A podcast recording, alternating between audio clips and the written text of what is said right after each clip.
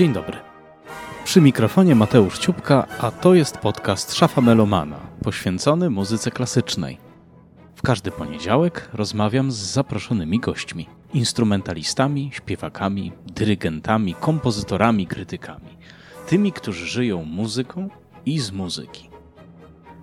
Przypominam, że wszystkie odcinki znajdziecie na stronie szafamelomana.pl w serwisie Spotify i na popularnych platformach podcastowych. Jestem także na Facebooku i Instagramie. Wszędzie tam czekam na Wasze opinie, propozycje i komentarze. Nie wahajcie się napisać do mnie. Szafa Melomana stoi przed Wami otworem.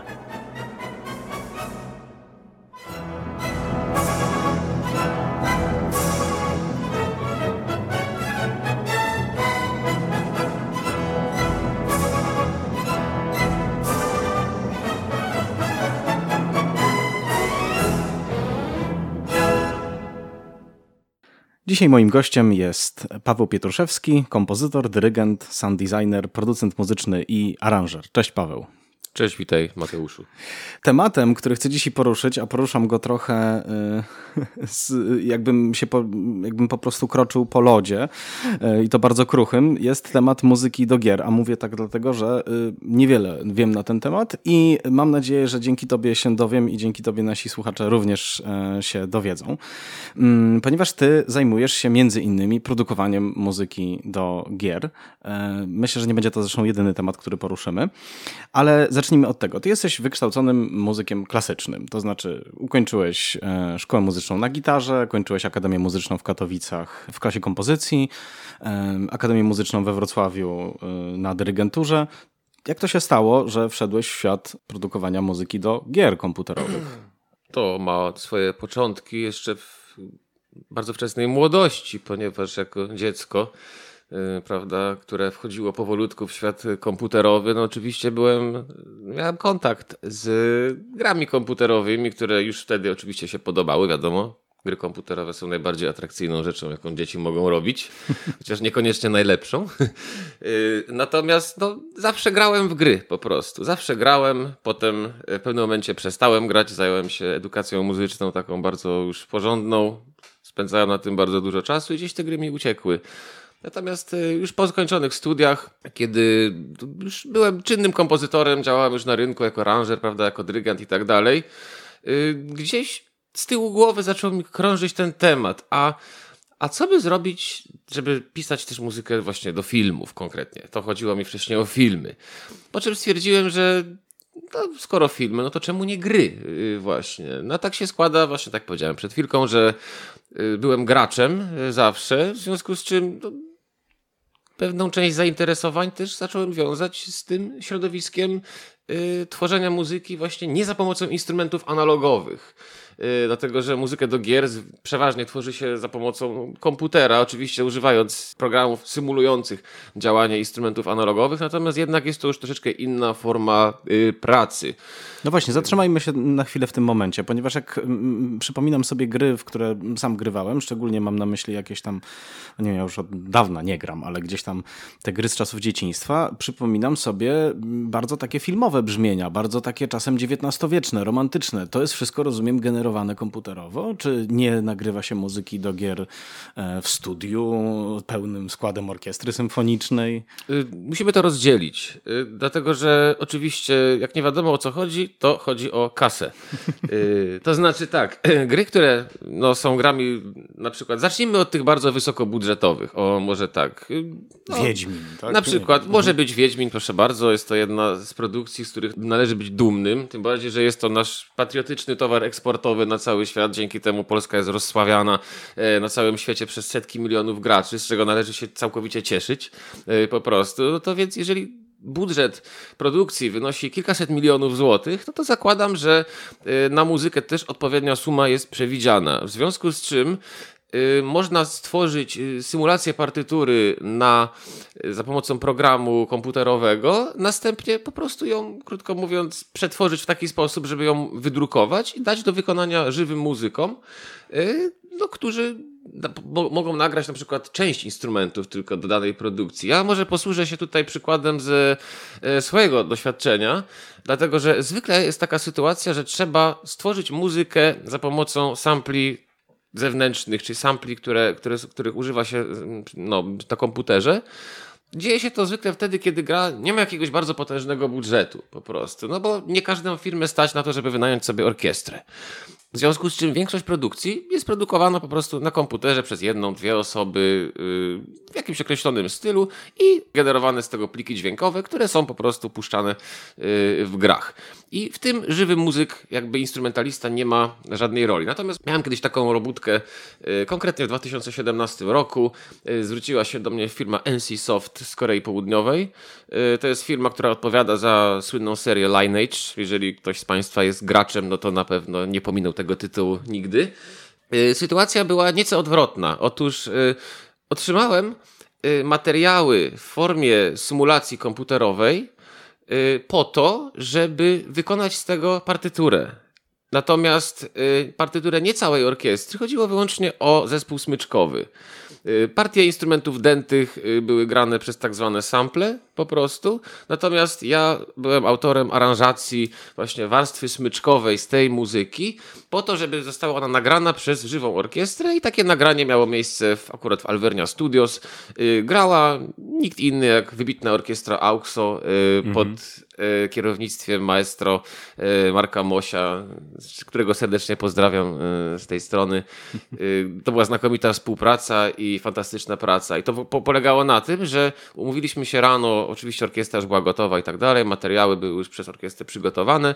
Połączyliśmy się wideokonferencją z Koreą Południową, która była w tym momencie 9 godzin tam przed nami, chyba 9 godzin, jeśli dobrze pamiętam.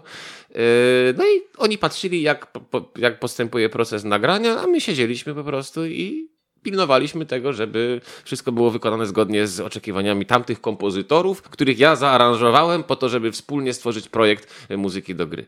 No tak, ale to nagranie odbyło się w jakim celu? To znaczy później rozumiem, po prostu ono zostało wykorzystane w tej grze, czy? Yy, tak jest, dlatego że yy, jeżeli mamy muzykę nagraną, prawda, tak jak powiedziałeś wcześniej w stylu na przykład, nazwijmy go neo, z grubsza neoromantycznym, o po prostu, bo to jest dość pojemny, yy, pojemny termin, no to kompozytor zaprojektował całą warstwę muzyczną przy użyciu komputera, natomiast w celu jakby uzyskania większego realizmu Mhm. warstwy smyczkowej, bo smyczki są dość trudnymi instrumentami do tak zwanego samplowania, w związku z czym y, bardzo korzystnie jest y, używać tutaj żywych instrumentalistów.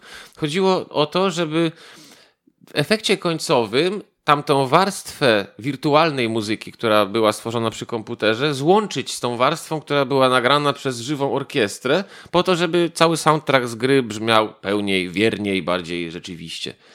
To, co mnie zaskakuje i zastanawia, to jest tak. Mm, jeżeli myślę mm, o na przykład muzyce filmowej, wyobrażam sobie, że kompozytor ma przed sobą zadanie stworzenia nie wiem, dwóch, trzech, może w porywach czterech godzin muzyki. Tymczasem gracz, który mm, gra w daną grę, może grać w nią kilkadziesiąt godzin, może grać kilkaset godzin, a nawet są takie gry, które nigdy się nie kończą, prawda? W których ten świat jest permanentnie rozbudowywany i tkwimy w nim bardzo długo. Więc jak, w jaki sposób tu się muzyka odnajduje? Czy ty produkujesz, nie wiem, 60 godzin muzyki? Czy ty zapętlasz jakieś motywy?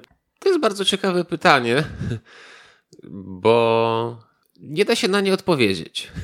tak powiem. Yy, dlatego, że wszystko jest zależne od tego, co, jaki jest zamysł yy, producentów, jaki jest zamysł dewelopera, ponieważ no, na przykład robiąc grę typu planszówka, coś typu digital board game, prawda? Mhm. Y, wiele gier w tej chwili jest y, jakby transkrybowanych z poziomu gry planszowej, normalnej, papierowej, gdzie można grać przy stole, właśnie na platformie wirtualne typu Steam, typu App Store, typu oczywiście Android i tak dalej, i tak dalej. I ilość soundtracków jest bardzo różna.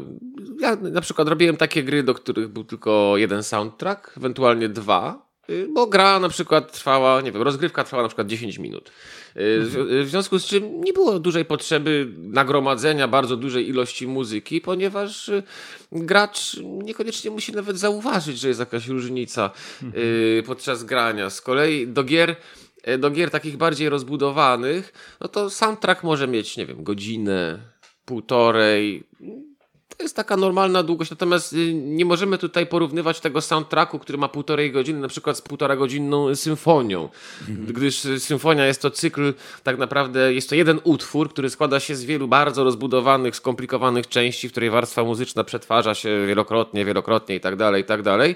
Natomiast jeśli chodzi o soundtracki, zresztą do gier i do filmów, tutaj sytuacja jest dość podobna, yy, raczej soundtrack składa się z dużej ilości z relatywnie krótkich utworów, powiedzmy trwających maksymalnie 3-4 minuty, tak uśredniając oczywiście, bo oczywiście są dłuższe soundtracki, prawda? Są też soundtracki, które mają, nie wiem, 30 sekund na przykład, tak? Bo to zakłada po prostu konwencja. W związku z czym y, warto się zastanowić, czy na przykład jeżeli gra się nie kończy, to czy powinno się na przykład skomponować 100-godzinny soundtrack. Nie jestem mhm. pewien, dlatego że gra składa się z pewnego szeregu y, powtarzalnych serii akcji i tak dalej, i tak dalej. I nie jestem pewien, trudno mi odpowiedzieć na to pytanie w ogóle. Nie jestem pewien, czy gracz byłby w stanie na przykład zarejestrować y, jakieś, nie wiem, zmiany, jakieś iteracje w tym soundtracku, mhm. który miałby, nie wiem, 20 godzin na przykład. Y, czy raczej gracz czuje się lepiej, jeżeli motywy muzyczne są co jakiś czas powtarzalne. Y, tylko, że to jest też niejednoznaczne, no ponieważ nie jestem pewien, czy gracze którzy grają w gry podczas rozgrywki, zastanawiają się, jaka muzyka leci w tle. Mhm. Raczej muzyka jest częścią tutaj otoczenia i częścią tła, w związku z czym pewna pewnego rodzaju powtarzalność y, nie jest tutaj żadnym błędem. No wiadomo, że jeżeli któryś raz usłyszymy motyw, to to zaczyna nam być bliski, zaczynamy go rozpoznawać i tak dalej, i tak dalej. I w którymś momencie, nie wiem, idąc ulicą, słysząc nagle przez okno, że jakimś, jakiś znajome nam dźwięki, wiemy na przykład, a o kurczę, to jest soundtrack ze Skyrima, ale mi się fajnie grało, jaka to była dobra gra. Mm -hmm. A i to właśnie jest ten konkretny, pojedynczy motyw, rozpoznawalny i bardzo charakterystyczny. Myślę teraz o klasycznych grach oczywiście, w które miałem okazję grać na przykład o, nie wiem, w rodach Baldura, prawda, czy tam Heroes, e, że tam były bardzo charakterystyczne motywy, które właśnie były troszeczkę tak powiązane jak e, jak y, motywy przewodnie u Wagnera. To znaczy na przykład, y, kiedy naraz rozpoczynała się walka pomiędzy na przykład naszą drużyną a jakąś tam grupą przeciwników, to było tam z pięć, sześć różnych typów dźwięków do tej walki, jakichś tam motywów muzycznych właśnie i one sobie i, one sobie latały, prawda? Zastanawia mnie taka rzecz, w jaki sposób się do tego dochodzi? Czy kiedy ty dostajesz zlecenie na wyprodukowanie takiej muzyki, to co ty dostajesz do ręki? Dostajesz jakiś scenariusz, opis? Czy ty już może widzisz kawałek tej gry? To jest, bardzo dobre, to jest bardzo dobre pytanie, jest bardzo adekwatne e, do tego tematu, także czekałem na to pytanie. staram się już od pewnego czasu robić w taki sposób, żeby już na etapie samej warstwy konceptualnej gry, żeby już mieć jak największą ilość informacji od e, zlecającego, czy od dewelopera po prostu, z którym współpracuję. Yy, może tak. Ja osobiście bardzo lubię, jeżeli dostaję konkretne referencje. To znaczy, Wykonywałem taką grę w 2019 roku, gra pod tytułem Tools Up, developer The Knights of Unity, pozdrawiam wszystkich z zespołu. I to była gra, do której dostałem bardzo konkretne referencje, to znaczy y, tempo 120, y, metrum dwudzielne wow. i najlepiej, żeby mieć na uwadze y, na przykład Dziadka do Orzechów Czajkowskiego. E, I na przykład dostałem na przykład któryś tam soundtrack, trzeci bodaj, trze, trzecia ścieżka bodajże i było napisane konkretnie, że chcą, żebym napisał chopaka. Mhm. W stylu właśnie chopaka z Dziadka do Orzechów Czajkowskiego. Chopaka czy tam trepaka, nieistotne, to wszystko te same tańce praktycznie. No i to już jest bardzo konkretna referencja, gdzie ja już bardzo konkretnie wiem, do jakiego źródła zaglądnąć, do jakiego, z jakiego źródła zaczerpnąć, po to, żeby uzyskać określony efekt. No to posłuchajmy tego chłopaka z gry Tools Up, developer Knights of Unity, muzyka Paweł Pietruszewski.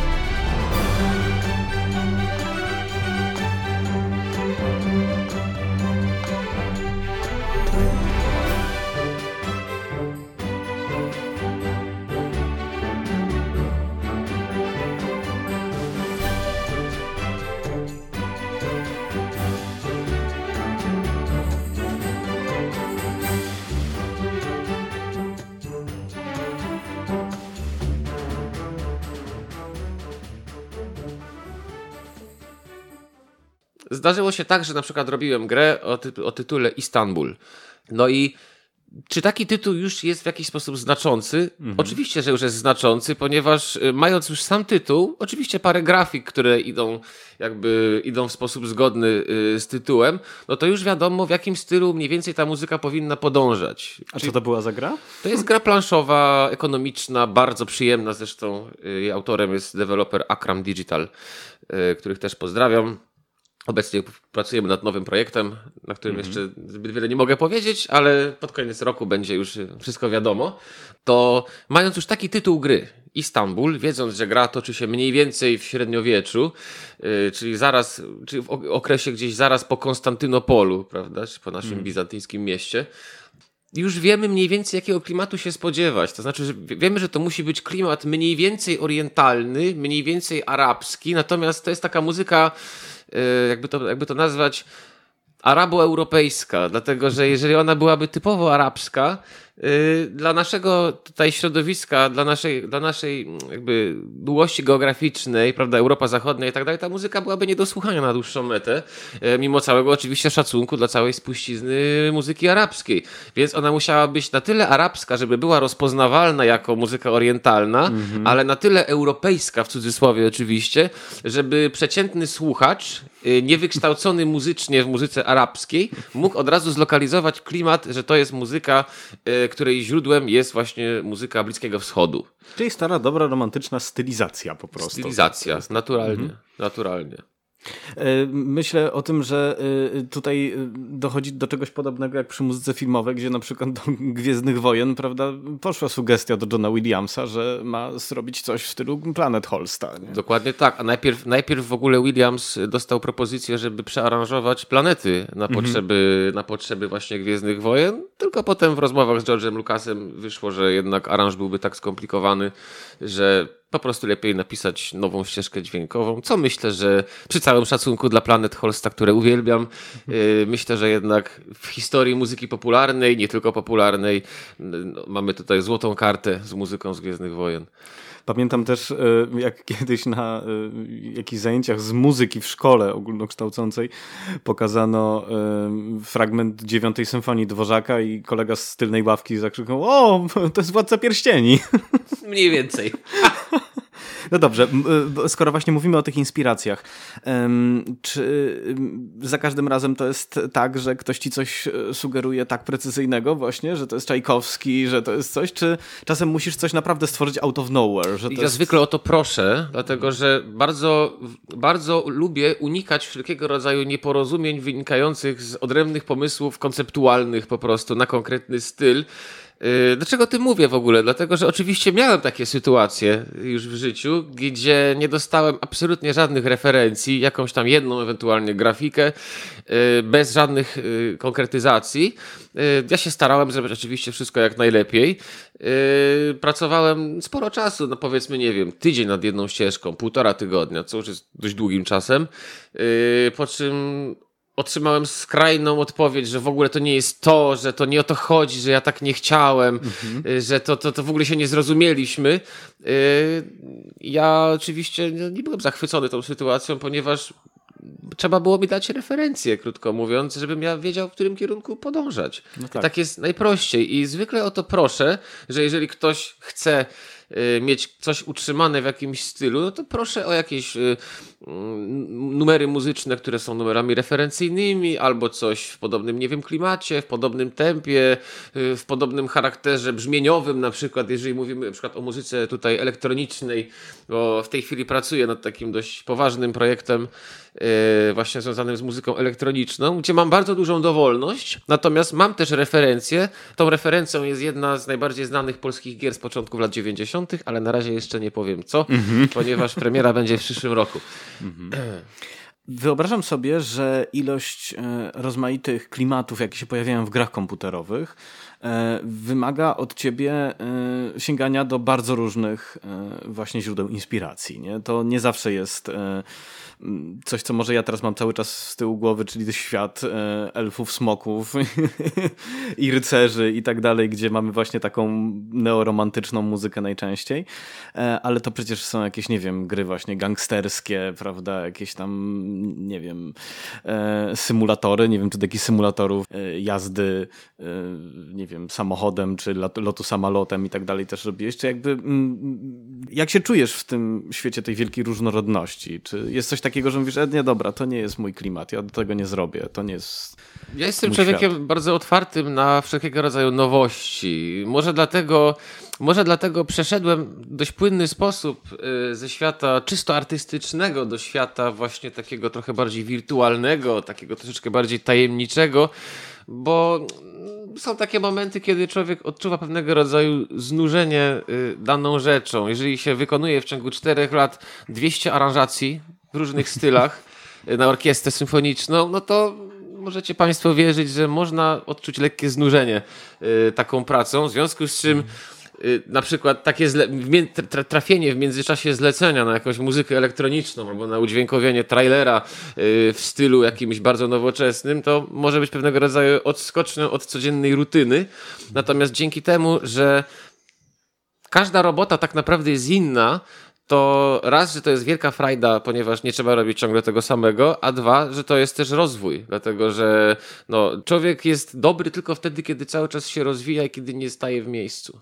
Do jakich gier lubisz robić muzykę? Które klimaty ci, e, że tak, cię, cię tak triggerują, że czujesz, że jest o, to jest super, to będzie przyjemność, a które są na takiej zasadzie, no okej, okay, zrobię, bo, nie wiem, bo trzeba za coś żyć.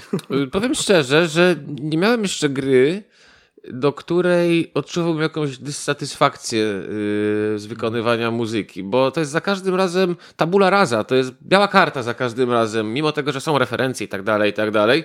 Natomiast to zawsze jest odkrywanie czegoś nowego, jakiegoś nowego brzmienia, jakiegoś yy, nowego rodzaju instrumentu, który można sobie, prawda, wygenerować, ewentualnie po prostu kupić, bo zwykle się to kupuje. Yy ponieważ nie ma rutyny, więc ja nie mogę powiedzieć, czy mi się to nie podoba po prostu, mm -hmm. ponieważ za każdym razem siadając do każdej produkcji kolejnej, e, nawet jeżeli to jest ten sam deweloper, ale on i tak robi już następną produkcję, która jest w innym klimacie, w związku z czym no jak do tej pory od takiego znużenia nie odczułem i mam nadzieję, że jak najdłużej go nie odczuję, a być może nie odczuję go nigdy, na co liczę. E, porozmawiajmy chwilę o materiale, na którym pracujesz, e, ponieważ e, nie masz przed sobą żywych muzyków, żywej orkiestry, prawda? Nie siedzisz jak kompozytor z ołówkiem w ręku nad papierem nutowym, tylko siedzisz przed ekranem monitora, więc musisz tę muzykę z czegoś posklejać, prawda? Na czym pracujesz, z czego to układasz? Głównie posługuję się y, instrumentami wirtualnymi, tak zwanymi samplami VST, czyli są to y, zewnętrzne biblioteki w formie zewnętrznych programów, y, które odpala się w programie tak zwanym stacja robocza audio, czyli Digital Audio Workstation, popularnie zwany DAWem po prostu. W moim przypadku jest to akurat Logic Pro, bardzo go lubię zresztą, gdyż jestem użytkownikiem ekosystemu Apple.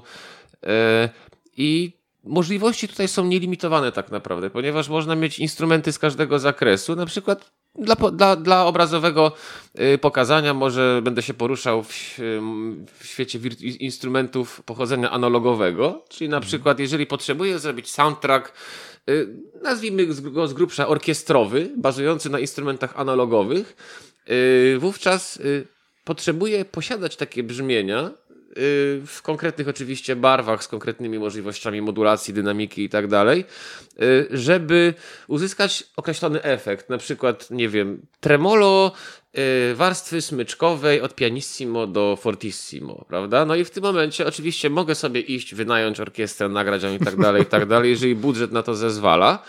E, natomiast y, pewnego rodzaju uproszczeniem jest po prostu zakup takiej gotowej biblioteki, która się na przykład może nazywać, nie wiem, Symphonic Orchestra Platinum na przykład, która mhm. ma całą orkiestrę symfoniczną, całą warstwę smyczkową, dentą perkusyjną i tak dalej, i tak dalej y, zarejestrowaną w każdej dynamice i z każdą artykulacją poprzez którą w interaktywny sposób można nią modulować. Mhm. Oczywiście proces jakby orkiestracji czy też instrumentacji nie różni się tutaj od, dużo od procesu pracy normalnego orkiestratora analogo, analogowej, tak, tak, się wyrażę, orkiestry, tylko zamiast żywego muzyka mam po prostu przed sobą kod MIDI, mhm.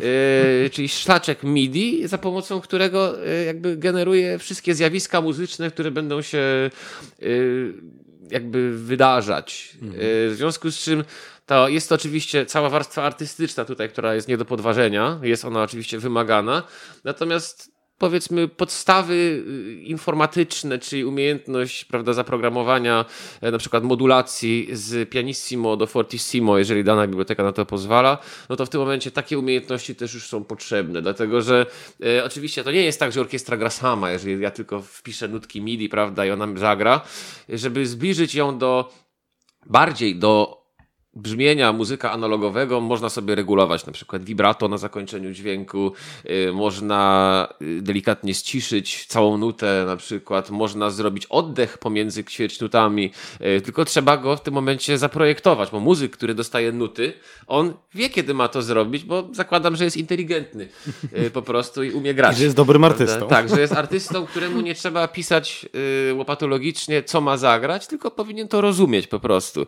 Natomiast w przypadku przypadku, kiedy ja pracuję przy komputerze, nie mam żywego muzyka, no to ja jestem twórcą i też po części jestem wykonawcą trochę, chociaż wykonuje to oczywiście komputer, ale to ja mu decyduję, w jaki sposób on to ma wykonać, żeby muzyka nie brzmiała w sztuczny, generyczny sposób. Mhm. Y potrzeba troszeczkę jakby tej takiej mm, wartości artystycznej poprzez właśnie zaprojektowanie odpowiedniego szlaczka MIDI, y właśnie to w ten sposób się wykonuje. Czyli musisz zasymulować, mówiąc krótko, pewną niedoskonałość. Nie? Musisz tak. E, wyobrazić sobie, jakby to brzmiało, gdyby to zagrał żywy muzyk ze wszystkimi jakby tego konsekwencjami. Nie? Tak, Że on... Powiem teraz coś grubego, bo mhm. jest coś takiego w dawach jak humanizacja. Y, humanizacja polega na tym, że jeżeli zagra się idealnie równą partię instrumentalną, to humanizator delikatnie y, zniekształca wartości rytmiczne. Y, oczywiście to się dzieje w zakresie tam ułamku procenta, prawda? Mhm. Natomiast jest delikatne jakby rozchwianie. Humanizacja polega na delikatnym rozchwianiu automatycznie stworzonej muzyki. O. To jest w sensie filozoficznym bardzo ciekawe, nie? No bo to po prostu, że humanizacja polega na niedoskonałości. Tak, czyli humanizacja polega na tym, żeby grać nierówno. Nie no, oczywiście to za grubo powiedziane, natomiast chodzi o pewnego rodzaju, to nie chodzi o to, że jest mhm. nierówno. Tak, tak. Natomiast, bo Największym błędem yy, wśród artystów to jest uważanie, że muzykę trzeba grać równo i używanie do tego metronomu. Muzyka mhm. musi być grana równo, natomiast yy, jest coś takiego jak tempo muzyczne, yy, a metronom nie widzi oddechu. A mhm. człowiek wie, kiedy ten oddech ma być. No to jest temat, który chyba dziś jest bardzo gorący w świecie muzyki klasycznej. W ogóle ta, ten perfekcjonizm, jaki narzuciła nam fonografia na przykład, prawda? To znaczy to, że, że, że robimy ileś take'ów, żeby wszystko było znakomite, a muzyk, który nagrał w studio jest najlepszą wersją samego siebie, a nie, a nie taki, jakbyśmy go usłyszeli na koncercie. Potem ktoś, kto, nie wiem, ma w uszach mnóstwo nagrań, idzie na koncert i się okazuje, o kurczę, to nie jest takie wszystko w punkcik, nie? I często się jeszcze poprawia nagrania pod kątem intonacji i tak mhm. dalej, i tak dalej. Oczywiście, że tak. Natomiast to mm, tworzymy pewnego rodzaju idealny obraz. Y, taki, to jest taki, że tak się w cudzysłowie wyrażę, taki muzyczny Photoshop y, no tak. w tym momencie, że wszystko ma być najlepsze, najczystsze, najpiękniejsze, ale piękno tkwi w tym, że coś nie jest idealnie symetryczne i doskonałe. Mhm. Nie jesteśmy matematykami, tylko artystami. Matematyka ma być dokładna, a muzyka ma wzbudzać emocje.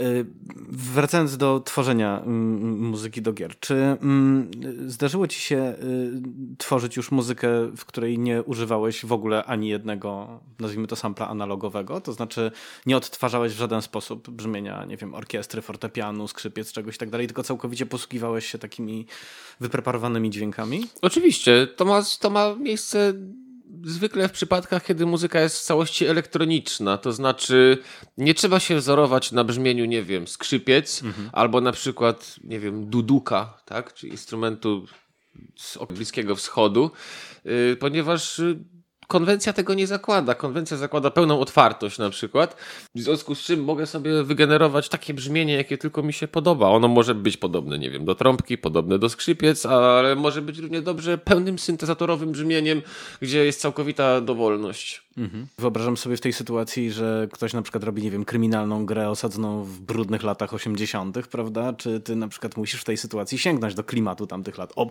osłuchać się, tak? Na przykład z muzą tamtych czasów. Zakładam, że jeżeli konwencja to zakłada. Mogę, mhm. się, mogę się tutaj posłużyć takim, myślę, dość sympatycznym przykładem y, z serii gier pod tytułem Mafia, czyli słynna pierwsza Mafia z 2000 roku. Mhm. Gra, która miała, której akcja toczyła się w okresie prohibicji w środowisku włoskiej mafii tak dalej, i tak dalej. Tak, jesteśmy w latach dwudziestych. Jesteśmy 30. w latach dwudziestych, w związku z czym każdy wie, jak brzmiała, mam nadzieję oczywiście, jak brzmiała y, muzyka rozrywkowa amerykańska lat dwudziestych, czyli mamy wszelkiego rodzaju Dixieland, New Orleans Jazz, tego typu wszystkie rzeczy, tak naprawdę zręby muzyki improwizowanej, prawda, oczywiście musi być klarnecik, mm -hmm. musi być piano, musi być jakaś delikatna perkusja, trio jazzowe i tak dalej, i tak dalej. Cała warstwa muzyczna jest utrzymana w tym klimacie. E, dla przykładu, będę, będę dalej poruszał się w tej samej grze.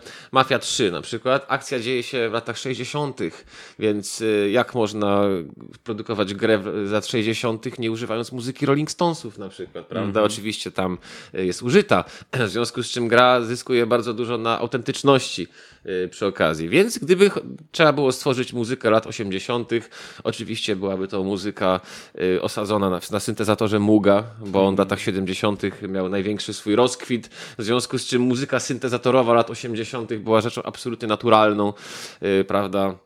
Pamiętamy, myślę, jeszcze wiele zespołów z tamtego okresu, więc tak, jeżeli gra miałaby być osadzona w tym klimacie i zakładałaby, zakładałaby z grubsza naśladowanie świata rzeczywistego, więc w świecie rzeczywistym w tamtym czasie jeździły takie, a nie inne samochody i takie oczekiwałbym zobaczyć w grze. Słuchaliśmy takiej, a nie innej muzyki.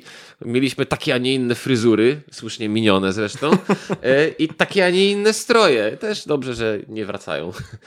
E, chciałem Cię jeszcze zapytać o coś, co wydaje mi się może być troszkę kontrowersyjne, czyli wartość artystyczną tej twórczości. To znaczy, mm, wydaje mi się, że wiele gier produkuje się po prostu po to, żeby się sprzedały. No i czy muzę do nich też robi się po to, aby się sprzedała? Czy już ten świat y, muzyki do gier wyprodukował coś, co powiedzmy, nie wiem, może się zbliżyć do poziomu tego, co nazywamy, nie wiem, na przykład arcydziełem muzyki filmowej, prawda? Mi się wydaje, że chyba cały czas jeszcze arcydzieła muzyki filmowej są trochę pośrednie w stosunku do arcydzieł muzyki klasycznej w ogóle, choć oczywiście niektórzy twierdzą, że już nie, że to się wyrównuje. Czy muzyka do gier już stworzyła swoje arcydzieła? W zależności od tego, co postrzegamy jako arcydzieło, bo powinniśmy może wyjść najpierw od zastanowienia się, czym jest dzieło sztuki w XXI wieku? Czy to jest, czy to jest forma. Ryzykownie zaczynasz. Czy to jest. No, oczywiście, jak zawsze. Czy to jest forma, która istnieje wyłącznie w formie fizycznej, która istnieje, można ją dotknąć, zważyć, zmierzyć, podnieść i tak dalej? Y, czy jako dzieło sztuki dopuszczamy również y, sferę wirtualną? Czy w sferze mhm. wirtualnej może istnieć coś takiego jak dzieło sztuki w ogóle? Yy, to jest dobre pytanie. Ja oczywiście uważam, że tak. Dlatego, że no, siedzę głęboko w świecie gier. Spotykam się z bardzo wieloma ludźmi. To są bardzo często hiperzdolni ludzie, bardzo często po ASP na przykład, yy, malarze, designerzy, graficy, E, ludzie, którzy są specjalistami na przykład od e, zachowań jakichś biologicznych, fizycznych, którzy też biorą udział w projektowaniu gier, w projektowaniu ruchu postaci, w projektowaniu akcji, animacji itd., tak itd. Tak I to są ludzie, od których wymaga się potężnych umiejętności, po prostu. Oczywiście nie, nie zakładam tutaj gierki przeglądarkowej, która ma być darmowa do grania i ma zakładać jak najniższy koszt wyprodukowania gry przy jak największej sprzedaży, yy, ponieważ tam wi wiadomo, że nie zakłada się wysokiego poziomu, bo tam chodzi o coś innego po prostu. Tak, tak. To ma szybko na siebie zarobić i tak dalej, i tak dalej. Natomiast jeżeli zakładamy, mówimy o grze, która jest grą rozbudowaną, która powiedzmy Będziemy się poruszać tutaj po patriotycznych klimatach, więc posłużę się tutaj grą pod tytułem Cyberpunk. Mhm. Yy, właśnie. I teraz zadajemy sobie pytanie, czy to jest dzieło sztuki?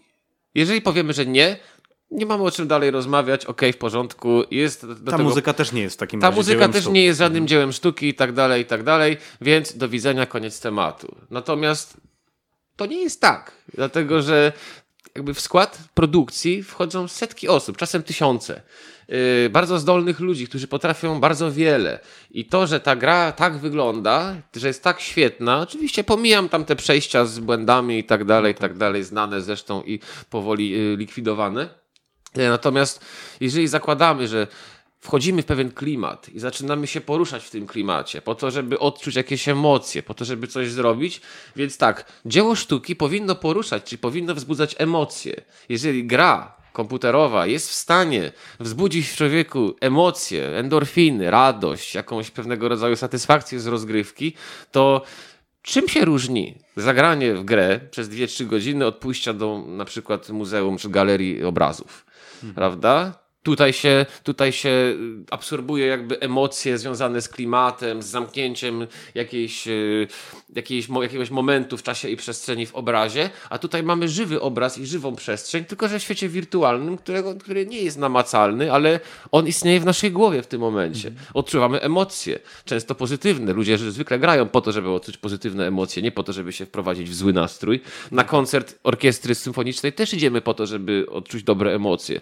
W związku z czym jestem w stanie to postawić na równi i tak samo muzykę, która za tym idzie.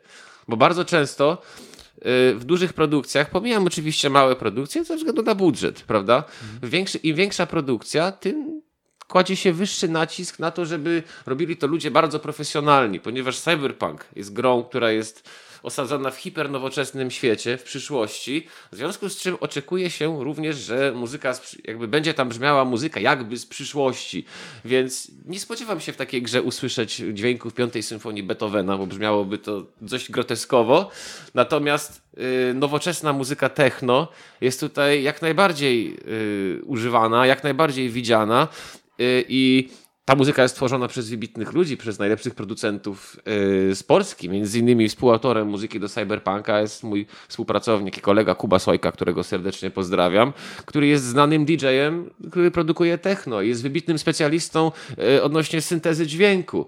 Yy, I bardzo trudno byłoby mi się pogodzić z tym, że jeżeli ktoś mi powiedział, że ta muzyka jest kiepska, bo to jest techno. Mhm. No co więcej jeszcze, e, e, to tutaj akurat mamy przypadek e, czegoś, co jest chyba nie do odtworzenia w warunkach filharmonii czy sali koncertowej, to znaczy wymyśl muzykę przyszłości, prawda? Jak może brzmieć świat za, nie wiem, 100 lat, prawda? Dotknięty jakąś katastrofą czy czymś takim, czego ludzie wtedy mogą słuchać. To jest interesujące. Zdecydowanie. Także... No i bardzo często tą muzyką profesjonalną zajmują się profesjonalni kompozytorzy. Yy, o ile dobrze pamiętam, do gry pod tytułem Dead Island, czyli gry, którą wypuszcza Techland, firma z Wrocławia, yy, autorem muzyki był nikt inny jak Alexandre Desplat, yy, czyli słynny, tak sądzę, że francuski kompozytor muzyki filmowej. No tak. Y, który jest no, poważanym kompozytorem w środowisku, w związku z czym ja nie sądzę, żeby on czuł się gorzej y, produkując muzykę do filmu czy do gry. Mhm. Muszę poruszyć także pragmatyczny aspekt tego. Czy to się opłaca? Tak. Krótko mówiąc, y, bo to jest świat, który zakłada maksymalizację umiejętności w pewnym skompresowanym środowisku, natomiast e, to jest świat, który nie jest światem dotowanym w żaden sposób. Nie jest to świat polityczny. Jest to świat, gdzie po prostu rządzi wolny rynek, e, krótko mówiąc. Więc jeżeli robi się dobrą produkcję, dobrą robotę, no to człowiek zostaje dostrzeżony. Oczywiście trzeba za tym się troszeczkę nabiegać na początku, natomiast od pewnego momentu właściwie jest się w tym świecie i no, nie można narzekać. Wiadomo, że zawsze jest jakaś sytuacja, gdzie można lepiej żyć, nie wiem, i tak dalej. Natomiast, mm, natomiast ja mówię teraz o ogóle jakby środowiska. E, o ile no, może to być przykre dla niektórych, natomiast polskie środowisko artystyczne jest środowiskiem skrajnie niedoinwestowanym, gdzie raczej pieniędzy ciągle brakuje i trzeba część, część prac wykonywać, tak, się, tak jak, jak to się mówi, dla idei troszkę to w świecie gamingu, w świecie komercyjnych produkcji, gdzie każdemu zależy na tym, żeby wypuścić jak najlepszy produkt, jak najlepiej go sprzedać i krótko mówiąc maksymalizować zysk, no to yy, po prostu jest pieniądz w tym świecie, krótko mówiąc. Tu nie trzeba pieniędzy, pieniędzy szukać. Yy, kwestia oczywiście, do, jakiego, do jakiej produkcji się trafi, bo są produkcje mniej budżetowe, wyżej budżetowe. Natomiast ja tutaj podkreślam, że mówię o ogóle tego świata, który jest światem bardzo sympatycznym, zresztą zbierającym yy, w większości oczywiście młodych, natomiast yy, zbierającym bardzo zdolnych ludzi, którzy mają świetne pomysły, świetne poglądy bardzo często, mając wśród siebie taki świat, który jest tak pozytywny i tak posunięty do przodu, y, w zasadzie to, że ten świat nie, nie cierpi na brak finansów, jest rzeczą absolutnie naturalną. I to jest fantastyczne, że to jest świat całkowicie wolny, gdzie nie liczy się, czy ktoś jest tam dziadkiem, czy wujkiem, prawda, czy jakiś jeden z drugim minister ma coś do powiedzenia, dlatego że tutaj liczy się po prostu efekt końcowy, tak? Więc jeżeli ktoś ma ochotę uczestniczyć w takim świecie, oczywiście musi, musi spełnić pewne, pewne kryteria, natomiast na pewno tego nie pożałuje. A powiedz, czy ty się czujesz bardziej, siadając do tej roboty i, i, i funkcjonując w tym świecie, bardziej czujesz się kompozytorem czy mm, producentem muzycznym?